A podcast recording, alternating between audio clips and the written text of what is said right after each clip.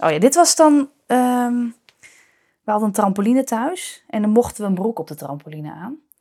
En dit was dan in de slaapkamer. Ging ik gewoon fotoshooten doen met vriendinnetjes. En dan deden we echt geen rok aan. Dat was natuurlijk echt niet cool. Dus dat, eh, dat maar dit was stiekem. Ja, ja. En die ging ik met een hippe meisje op vakantie. Deed ik ook gewoon stiekem een broek aan. Dus hier zie je het al gebeuren. Hier was ik een jaar of dertien, denk ik. En dit was dan met mijn ouders op vakantie. Dus hier hebben we weer eh, rokjes aan.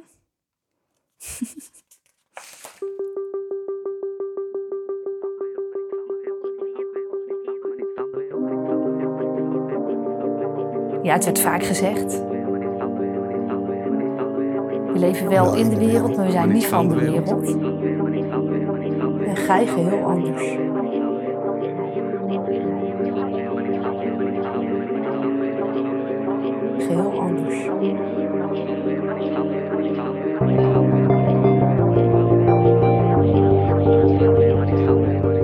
In de vorige afleveringen liet ik je kennis maken met de Revo-wereld. Nu plaats ik die wereld meer in context. Ik onderzoek in deze en de volgende aflevering hoe het is om Revo te zijn in een samenleving die steeds verder ontkerkelijkt. Welke spanningen brengt dat met zich mee? Ik spreek met Revo's en oud-Revo's onder meer over wereldse verleidingen. Over je afschermen van de buitenwereld, maar ook over afstand nemen van het reformatorische en een nieuw leven beginnen. Dit is aflevering 3. Wereldse wind. Nou ja, ik ben Jacqueline. En zij was reformatorisch. eh, 34 jaar oud. Ik ben eh, opgegroeid tussen eh, Lunteren en Edeveen, officieel Lunteren. Ook Hartje Bijbelbelt. Ik ben eh, ooit gedoopt in de oud-gereformeerde gemeente. En vervolgens zijn mijn ouders op een gegeven moment, was, was er ruzie in de kerk of zo. En toen zijn ze naar de oud-gereformeerde gemeente buiten verband of zo. En daar werd- ging het ook niet helemaal goed. En toen werd het gereformeerde gemeente in eh Veenendaal. En ik spreek Jacqueline samen met haar nichtje Marleen. In hun kindertijd al vriendinnen. Ik ben Marleen Bouwier, ik ben 32 jaar. Marleen ging eerst niet naar een revokerk, maar wel naar een reformatorische basisschool. Normen en waarden werden me wel eh, meegegeven. Tijdens haar jeugd maakten de ouders van Marleen de overstap naar een revokerk. Een hersteld hervormde gemeente. Er was wel een kantelpunt. De dominees werden toen ook wat rechtser, wat strenger. Ehm, op categorisatie werd het ook ineens anders, serieuzer. Ik denk dat vanaf dat moment heb ik me er echt een beetje tegen afgezet. Nou, dat was iedere zondagochtend wel weer eh, drama, ja. Slaande deuren. Ja, dat was het Ja? wel. Ja, ja, met uit bed komen en eh, nou, tien minuten voordat je moet gaan nog in bed liggen omdat je echt niet wil gaan. Haar middelbare school speelde daarbij misschien wel een rol. Daar zag ze leeftijdsgenoten die meer vrijheid kregen. Ehm, voor mij was dat al heel erg eh, vrij en open. En daar liepen andere meisjes met broeken aan. Nou, dat vond ik al heel stoer om daartussen te lopen. Ehm, En jij had ook een broek aan of een rok? Nee, aan het begin was het een rok, maar er werd steeds meer. Die discussie was dan steeds thuis van, joh, eh, mag het nou wel, mag het nou niet? Ehm, maar dat werd, mijn ouders werden ook steeds losser daarin. Die waren denk ik ook gewoon die ruzie zat. Het was het niet waard. Ik was gewoon echt een dwarse puber. Ik wilde gewoon niet met mijn ouders mee, maar ik wilde vooral niet met een rok aan en een hoed op in de kerk zitten. Eh, het, het, het een zijn met, eh, met, met die hele gemeente, dat stond me ontzettend tegen. En dacht, wat dan? ik wil- Wat stond je zo tegen? Ik dacht, ik wil mezelf zijn en ik ben hier mezelf niet. Dus, ehm, en als ik hier mezelf ben, dan word ik daarop aangekeken, want dan ben ik anders dan de rest. Dus het was niet eens echt het geloof wat mij tegenstond, maar meer ehm, alle regels eromheen. Straks meer van Jacqueline en Marleen.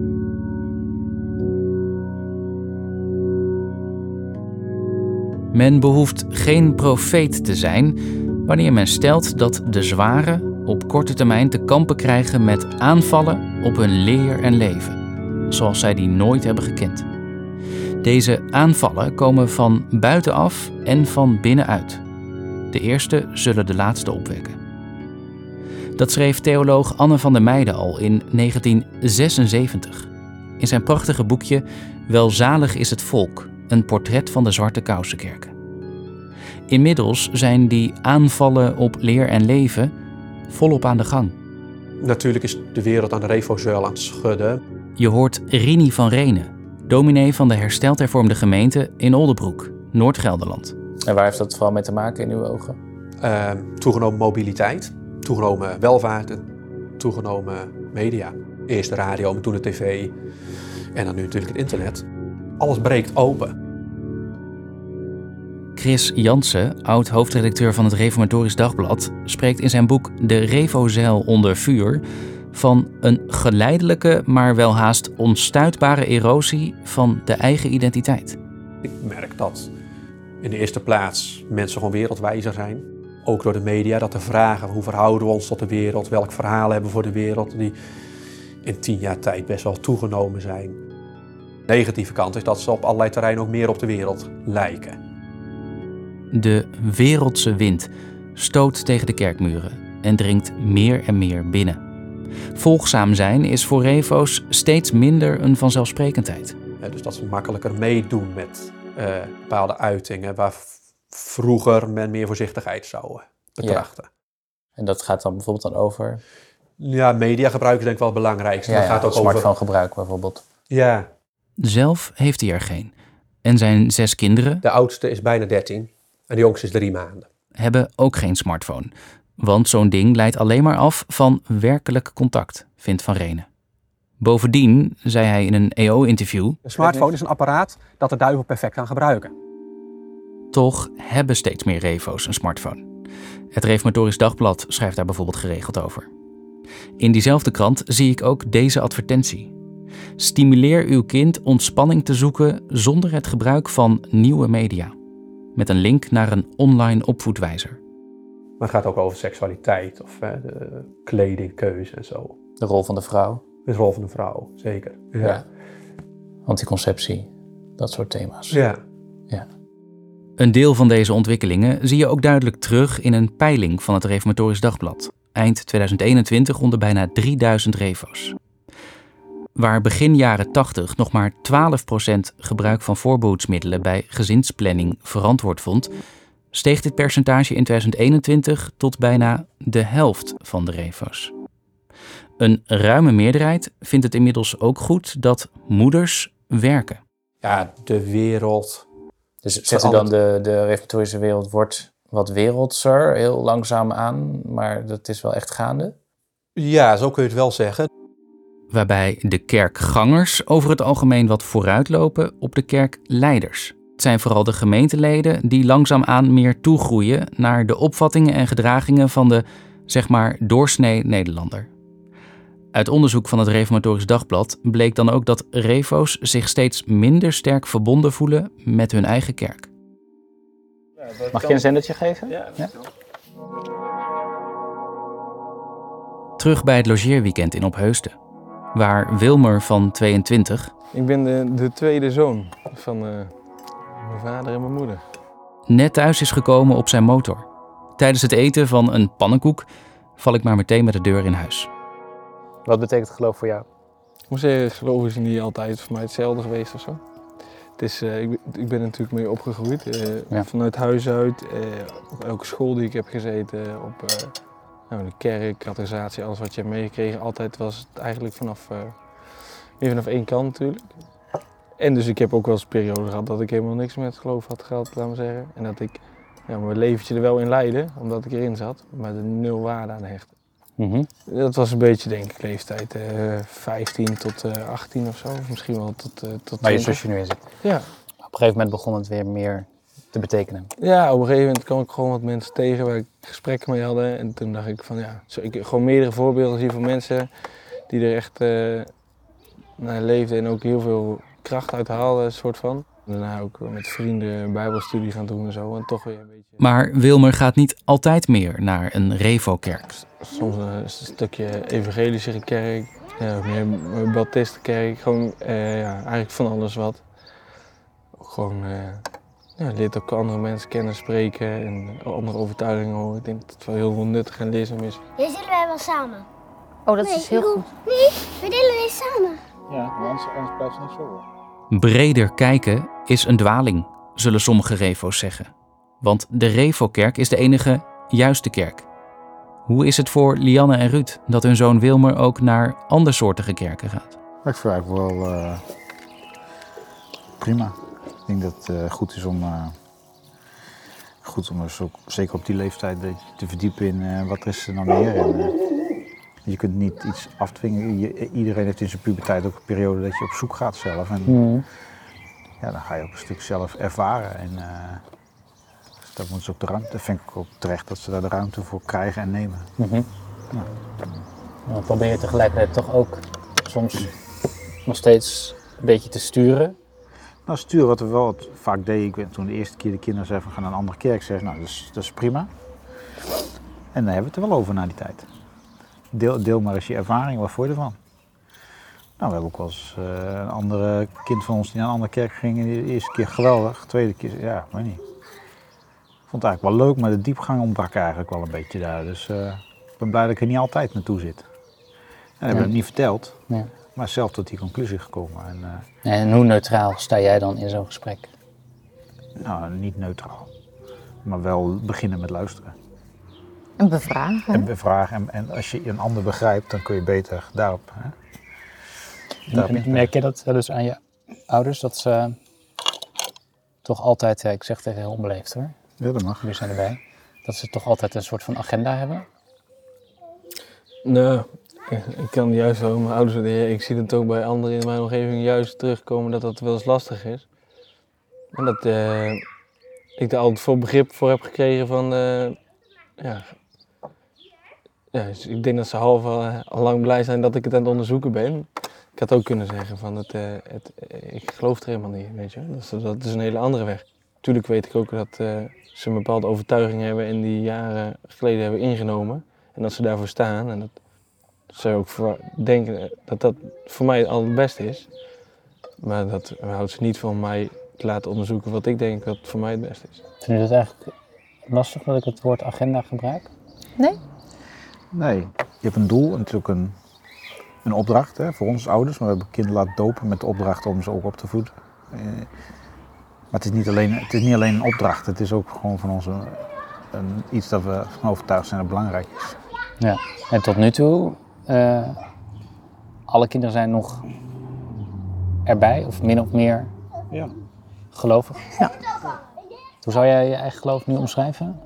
Zie jij de Bijbel ook als boek van de waarheid? Of Ja, alleen eh, je, je ziet voor wel dit dat... gesprek even twee apart mee?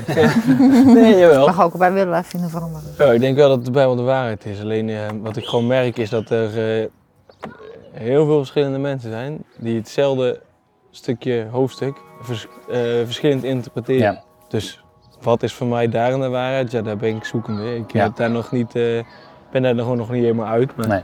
Wilmer gaat er weer vandoor. Hij heeft met vrienden afgesproken. Morgen is het zondag en wordt hij op tijd bij het ontbijt verwacht. hey, morgenochtend eh, wel op tijd. We eten kwart voor negen. Ja? Oké. Het is altijd fijn om het vooraf even vast te melden. Dat komt niet altijd goed. Ehm, Nou, ze worden wel geroepen door ons, ja. Ik ga zelf ook mee naar de kerk. Dat hoor je later. De buitenwereld trekt aan de reformatorische christen. Misschien wel harder dan ooit. Maar andersom komt ook voor. Soms worden mensen juist revo. De Tamara van, eh, nou, bijvoorbeeld 15 jaar geleden. was een hele andere Tamara. Hoe zou die luisteren of kijken naar de Tamara van nu, van 30? Die dacht dat ik helemaal gek geworden ben. Ja, Tamara is de partner van Marvin, de predikant in opleiding, die je eerder hoorde. Ik maak met Tamara een wandeling door haar woonplaats op Heusden. nee, ik, eh, ik eh, vond het christendom prima. Ik geloofde ook wel dat er ergens een God zou zijn. Maar of dat ik ook echt zou. eh, Nee, ik vond mensen die geloofden en die daar heel erg mee bezig waren wel een beetje apart. Maar dan, partner Marvin komt thuis en zegt dat hij het licht heeft gezien. Dat hij tot geloof gekomen is. Nou, ik vond het heel moeilijk. Want ik wou niet naar de kerk. Ik wilde er niks mee te maken hebben, maar ik was bang dat ik hem kwijt zou raken. Dat, het, dat dit Marvin niet meer Marvin zou zijn zoals ik hem kende. Want beschrijf eens de Marvin wie je was gevallen. Ja, hele stoere, eigenwijze eh, vent, ja.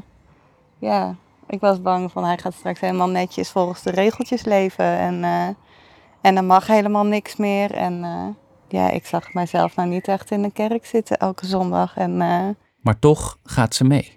Ik wilde hem ook niet kwijt, dus dat is ook wel een beetje ja, de reden waarom dat ik wel interesse begon te tonen natuurlijk.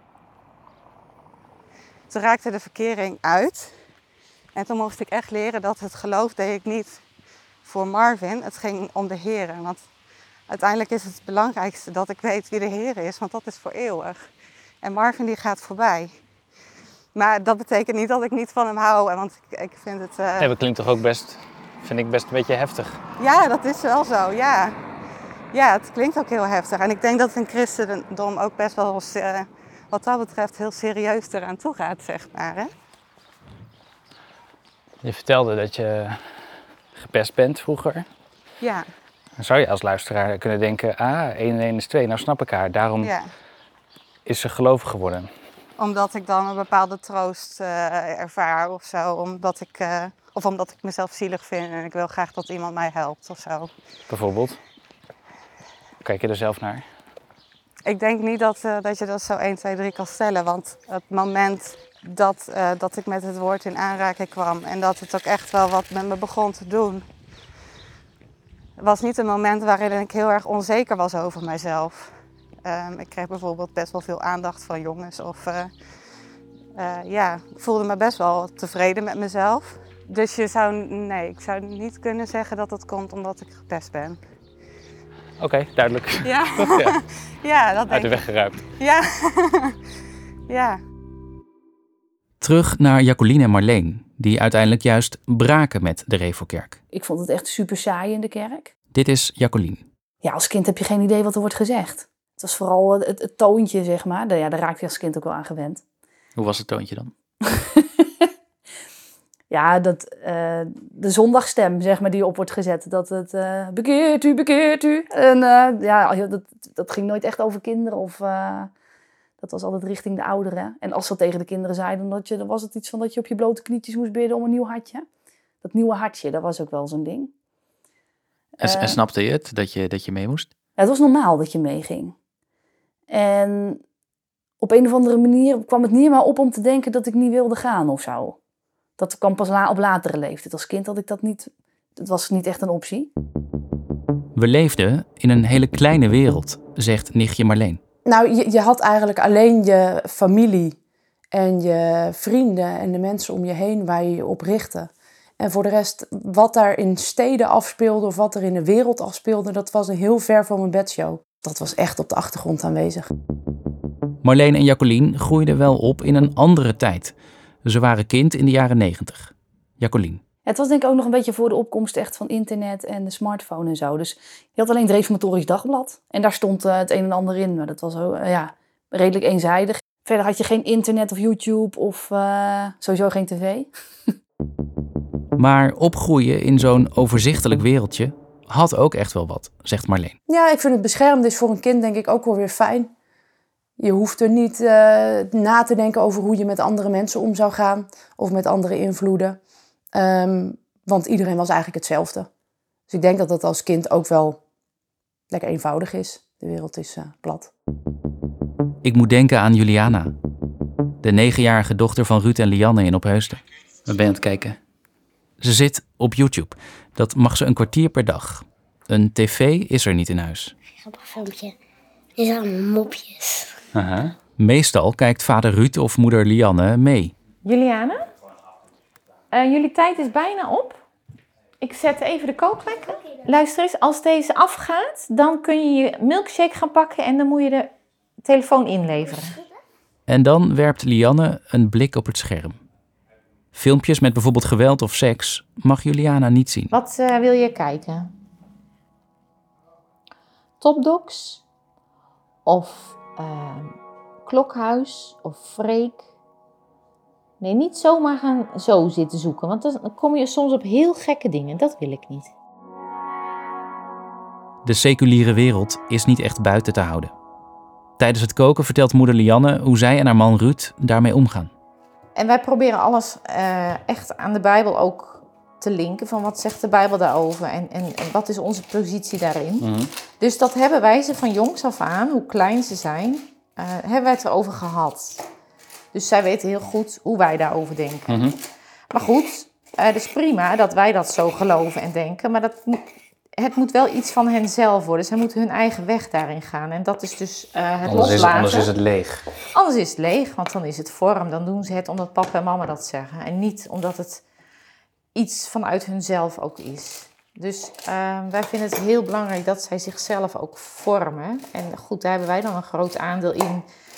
Uh, zeker tot en met puberteit. Maar dan, dan wordt het spannender. Overdreven gezegd? Tot, je, tot hun twaalfde praat je met je kinderen over God. En vanaf een jaar of twaalf, puberteit, praat je met God over je kinderen. Dan deelt ze met God haar zorgen. Bijvoorbeeld over de bioscoopbezoekjes van haar oudste kinderen. Hoe zie jij dan de bioscoop in, in Bijbels perspectief? Um, ja, als plat vermaak. Als plat vermaak? Ja. En dat betekent helemaal niet dat je nooit plezier mag hebben, nooit lol mag hebben. Dat het uh, mineur is, helemaal niet. Want wat, wat is dan plat vermaak in jouw ogen? Dat je puur ergens naar gaat zitten kijken om, uh, ja, om een beetje afgeleid te zijn. Dus een documentaire, dat, dat, dat vind ik mooi, vind ik interessant. Er zijn heel veel bioscopen die documentaires vertellen. Ja. Wanneer was jij voor het laatst in de bioscoop? dat was, uh, even kijken, voor ons trouwen. Ik denk dat we nog niet eens verkering hadden. Mijn moeder die uh, was... Uh, dus voor je zeventiende? Ja, denk ik. Want jullie waren 17 toen jullie elkaar leerden kennen. Ja. Maar ook gewoon je vullen met dingen um, die, er, die er helemaal niet toe doen. Die, die gewoon um, ook niet stroken met, met wat jij uh, beleidt met jouw geloof, vind ik. Zoals wat dan? Nou, heel veel films, uh, ontrouw, moord, roddel. Ga, ga films eens even gewoon naast de tien geboden leggen. Mm -hmm. uh, dan gaat heel veel mis. En moet ik daar dan naar gaan zitten kijken en me daarmee vullen? Uh, als ik dat ga doen, weet ik van mezelf, merk ik ook, dan raak je ook gewend eraan. Dus je Mhm. gewenning, je wordt steeds rekbaarder in wat je wel of niet goed vindt. En dan hoor je dus van je kinderen later soms terug van, nou had ik beter niet kunnen doen of eh, vond ik toch niet prettig. Wat voor gevoel geeft jou dat dan?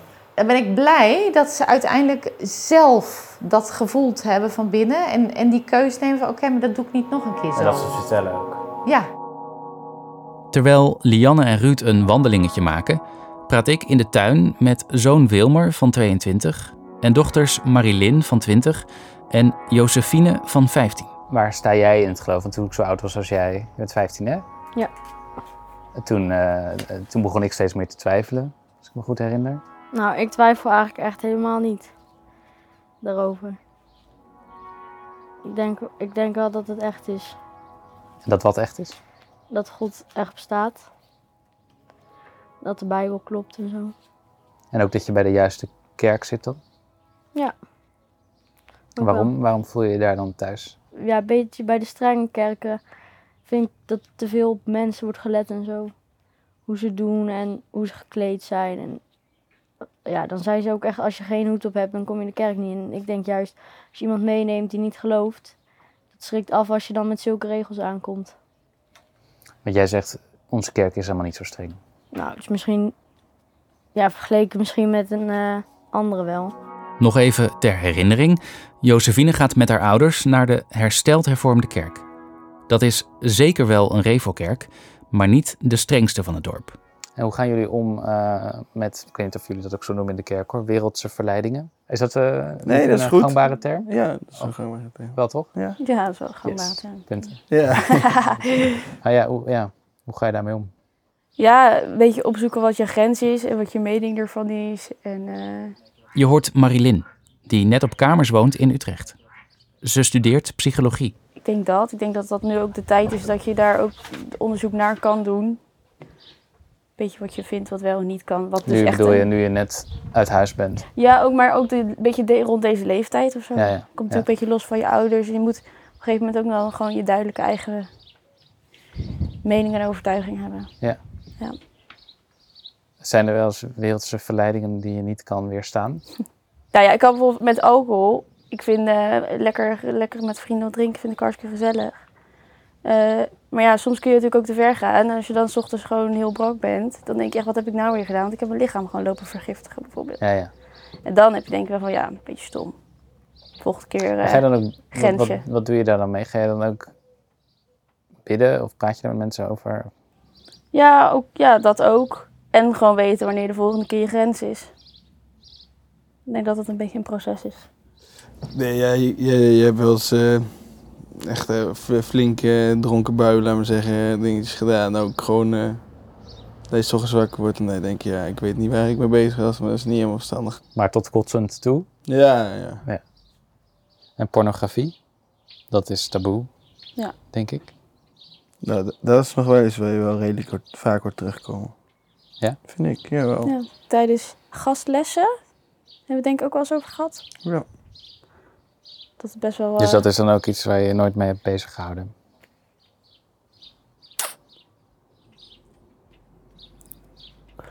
Ja. Ja, je krijgt allemaal wel eens wat mee, dus... Uh... En dat geldt in de Revo-wereld steeds meer, op allerlei gebieden. Later meer uit dit gesprek. Onder andere over homoseksualiteit.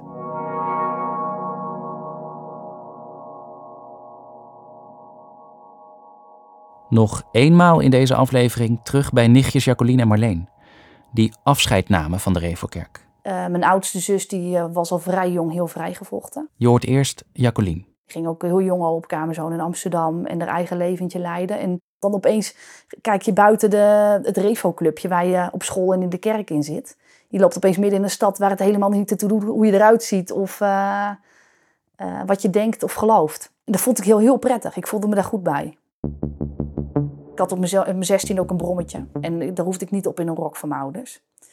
Maar omdat ik redelijk rustig was, dachten zij gewoon, die neemt de rok mee en die kleedt zich daar weer om. Maar ik, ik liep overal in een broek rond natuurlijk. En dat vond ik helemaal fantastisch. En andere mensen dachten, joh, die is hip. Want om je heen heb je natuurlijk nog wel redelijk veel uh, refo's zitten. En die dachten dat dat, dat gewoon mocht van thuis. Maar, je ouders wisten het niet? Misschien, ja, geen idee. Geen idee, heb ik ze nooit gevraagd. Rond mijn achttiende ging ik op kamers en toen was het eigenlijk wel een beetje einde kerk. Ik was gewoon nieuwsgierig naar alles wat er was. Dat had ik daarvoor al een beetje richting het, meer het evangelische. En daarna wilde ik gewoon weten van, uh, ik kwam ook in het studentenleven terecht. Ik vond het stappen gezellig. En toen dacht ik, ja, wat is hier nou zo verkeerd aan? En... Maar ik, ben nog niet, ik voel me nog niet klaar voor de dood. Als ik nu denk aan dat ik bijvoorbeeld morgen niet meer zo leven, dan zou ik wel die angst terugkrijgen. De angst voor de, de hel. Ja. ja. Ik denk dat je dat... Ik, zie niet gebeuren dat het zo 1, 2, 3 verdwijnt. Hoe graag ik het ook zou willen. Dan naar Marleen. Meer over haar loskomen van de Revokerk. Het kon nooit goed uitgelegd, uitgelegd worden waarom bepaalde dingen werden gedaan. Dus er werd wel een poging gedaan van waarom nou die rok. Ja, dan was er weer ergens een bijbeltekst uit het Oude Testament wat erbij werd gehaald. Dan dacht ik, ja, dat is helemaal niet meer van deze tijd. Mensen die anders zijn, wil ik niet per se zeggen. Maar um, um, die afwijken van de heteronorm, zeg ik dat goed? Dan uh, dat daar zo hard over werd gedacht en dat die zo werden buitengesloten. En um, dat waren dingen in de Bijbel waar ik gewoon echt dat ik dacht, ja, dit, dit kan gewoon niet. Ik wil hier niet in geloven. In de volgende aflevering vertellen Jacqueline en Marleen hoe zij nu in het geloof staan. Hoe relatief ook normen verschuiven in de reformatorische wereld als geheel. Daar waar vrijzinnigheid zijn intrede doet, daar is God geen God meer.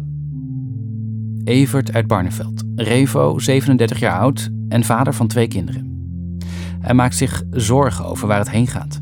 Dat doen anderen ook, maar hij is verreweg het meest uitgesproken van alle mensen die ik spreek. Dit meen ik echt serieus. Ik geloof in het onfeilbare woord van God. Ik, ik kom onder jongeren ook wel tegen waarom, als je samen wil gaan leven, dan kun je toch ook gewoon even een contractje regelen. Partnerregistratie, ja, komt op hetzelfde neer, juridisch gezien. Kom ik gewoon onder reformatorische jongeren tegen, hmm. die vraag. Dat ik zeg, van, joh, het huwelijk is een verbond en dat is een exclusief iets. Evert werkt in de bouw, maar is ook spreker en gespreksleider bij Stichting Jij Daar, een Revo-organisatie voor jongeren. De wereld trekt steeds meer aan jongeren, kan je dat zeggen? Nou, misschien zijn wij als christenen ook weinig in staat om gewoon de principes van God te onderwijzen aan onze jongeren. Ja? Dat denk ik echt. Ik denk dat daar een hele grote opdracht ligt. We hebben ook een homegroep, die is in de coronatijd ontstaan. Dan kom met een aantal jongeren uh, gewoon hier thuis. En uh, dan lezen we gewoon echt gewoon een hoofdstuk of twee hoofdstukken uit de Bijbel. Gaan we gewoon samen doorlezen. Zo probeert Evert jongeren weerbaarder te maken voor het wereldse of het goddeloze. Als je nu naar de maatschappij kijkt, is alle ontwikkelingen zijn erop geënt om het gezonde gezin kapot te maken. Nou ja, dan ben ik heel, uh, heel gechargeerd, zeg maar, alle ontwikkelingen over uh, van scheiding tot, tot genderideologie. Of nee, daar, mag, daar moet je voorzichtig over praten, weet ik. Um, maar dat dat geïndoctrineerd wordt, dat is om het gezin kapot te maken. En ik geloof dat het gezin. Maar je bedoelt dat er een agenda achter zit? Um, nou, sowieso, als, als de hele wereld bestaat uit, het, uit twee machten, dat is de macht van God en de macht van de Satan. En al die ideologieën komen bij de macht van de Satan vandaan. En het gezin is een fundament wat onderdeel is van de macht van God. Maar jij mag toch denken wat je wil? Ja, zolang als ik het hier binnen deze muren tegen jou zeg zonder dat ik het opneem en op Instagram zet. Hoezo? Want? Op het moment dat ik het op Instagram zet, dan krijg ik de hele goede gemeente over me heen dat ik een achterlijke randebiel ben van de vorige eeuw of twee eeuwen terug. Ja, maar het is niet dat de overheid tegen jou zegt, je mag dat niet op Instagram zetten. Nee. Maar de overheid vindt wel dat mijn kinderen op school geïndoctrineerd moeten worden met het gedachtegoed wat de maatschappij aanhangt. Hij heeft het over de verplichting voor scholen om aandacht te besteden aan seksuele diversiteit. Hoe scholen dat invullen, mogen ze overigens zelf bepalen. Er bestaat een theorie om uh, de radicalisering uit de islam te halen. En die theorie is doe hetzelfde als bij de christenen. Maak ze gewoon onderdeel van de maatschappij. Dat, eigenlijk is die theorie het antwoord al. zeg ik nu iets raars. Evert vindt het aan de ene kant belangrijk dat zijn woorden goed zullen overkomen. Maar tegelijkertijd ben ik een Veluwse boer. En doen we gewoon een beetje waar we zelf zin in hebben en maakt het ons niet zoveel uit. Het volgende is daar een goed voorbeeld van. En laat ik je vooral horen omdat Evert door zijn rol als spreker en gespreksleider bij Revo jongerenorganisatie Jij Daar een zekere invloed heeft en op het grote contrast met zijn uitspraken over wat goed geloven is. Luister je met een christelijk oor, dan toont dit fragment haarscherp hoe moeilijk het kan zijn om je afzijdig te houden van het wereldse en niet in zonde te vervallen. Nu wou ik eens een voorbeeld noemen. Ik denk, weet je, als we dan vinden dat een journalist op moet rotten, dan pakken we een show van, dan gooi je hem in de stoot. maar dat mag je natuurlijk helemaal niet oké vinden, terwijl we de stiekem wel om glimlachen. Jij ook? Ja? Ja, stiekem moet ik daarom glimlachen. Natuurlijk is dat niet oké om te doen.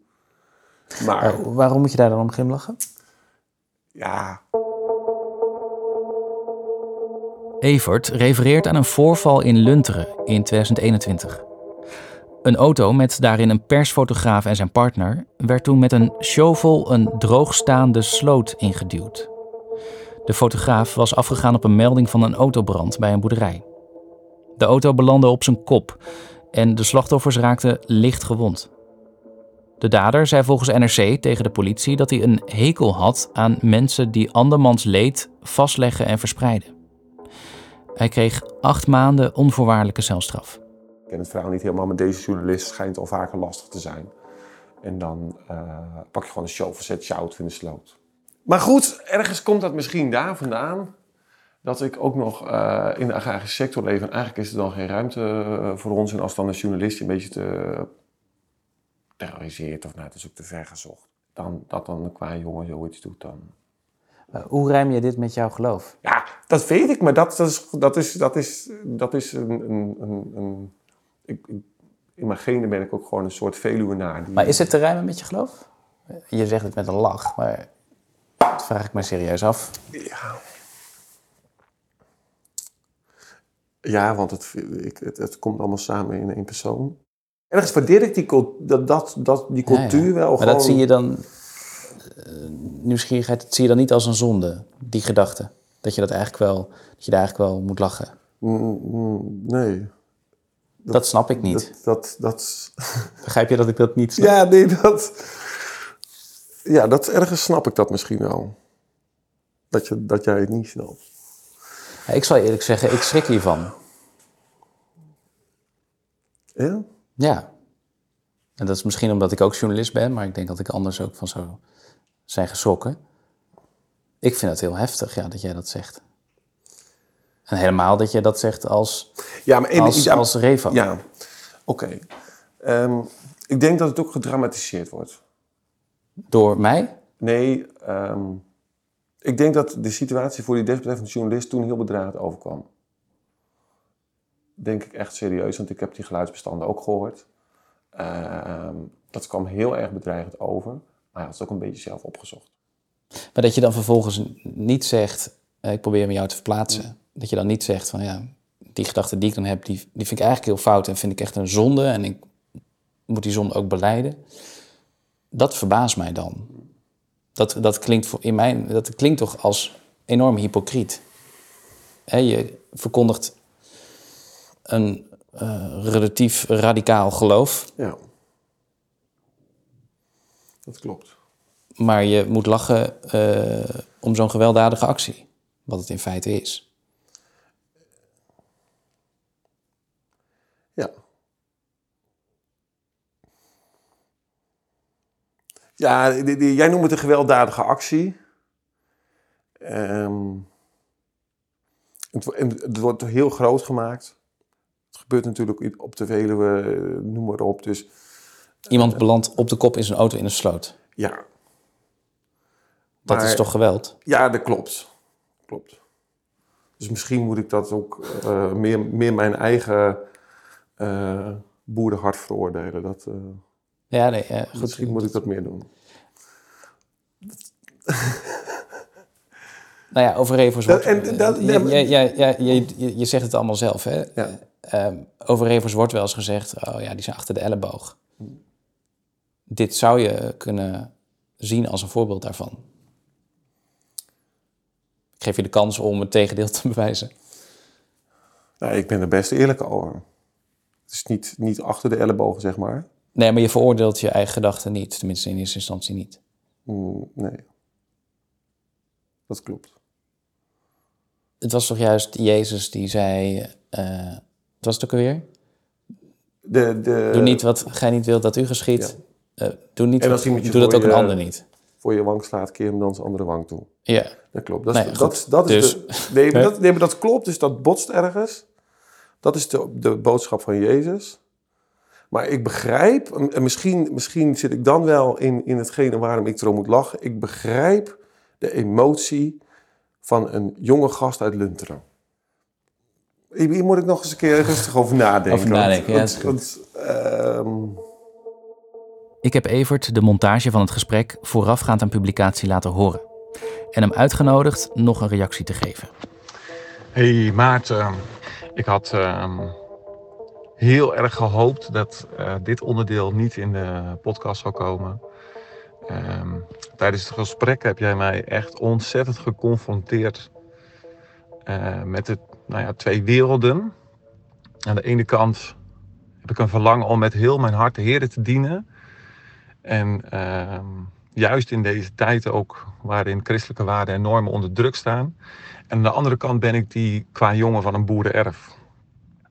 En nou ja, de Bijbel heeft daar een antwoord op en die noemt dat de oude en de nieuwe mens. En die doet vooral een oproep om de oude mens af te leggen en de nieuwe mens te leven. En in dit gesprek kwamen nou ja, allebei de aspecten heel nadrukkelijk naar voren.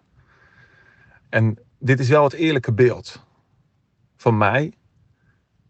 Maar ik denk dat stiekem um, in heel veel gezinnen, in de reformatorische gezinten, boerengezinnen of um, dat ditzelfde een beetje speelt. Een verlangen om de Heer te dienen en aan de andere kant heel veel dingen vergoeilijken die niet te vergoeilijken zijn. Um, na het gesprek heb ik ook echt wel geworsteld en moest ik daar echt mee in het reinen komen. En ik zat laatst ook een van jouw interviews te lezen, dat de dingen die rondom de reformatorische kerken gebeurden in de coronatijd, uh, dat het juist jou triggerde van, om deze podcast te gaan maken. En daarin gebeurde eigenlijk precies een beetje hetzelfde. Dus um, Ik wil graag eerlijk zijn. Ik wil geen vroom beeld schetsen van zie mij eens mooi vroom zijn. Ehm, want dit is voor mij ook gewoon een worsteling. Dus ehm, fijn dat ik het even mocht horen van tevoren. Het voelt heel kwetsbaar. Ehm, maar het is oké, voor mij persoonlijk is het echt oké dat je dit gebruikt. Hoi!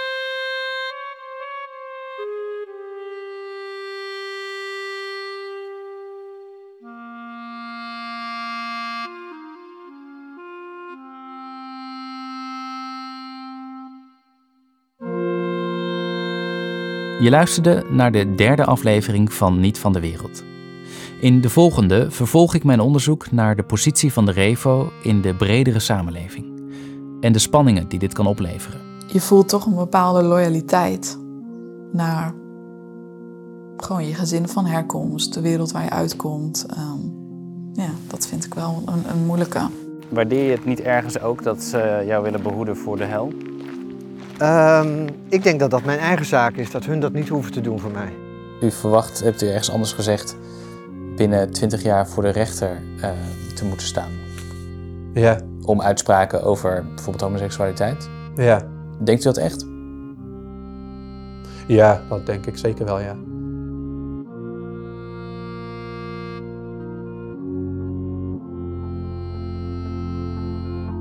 Niet van de Wereld is een podcast van mij, Maarten Dallinga, voor Omroep Gelderland.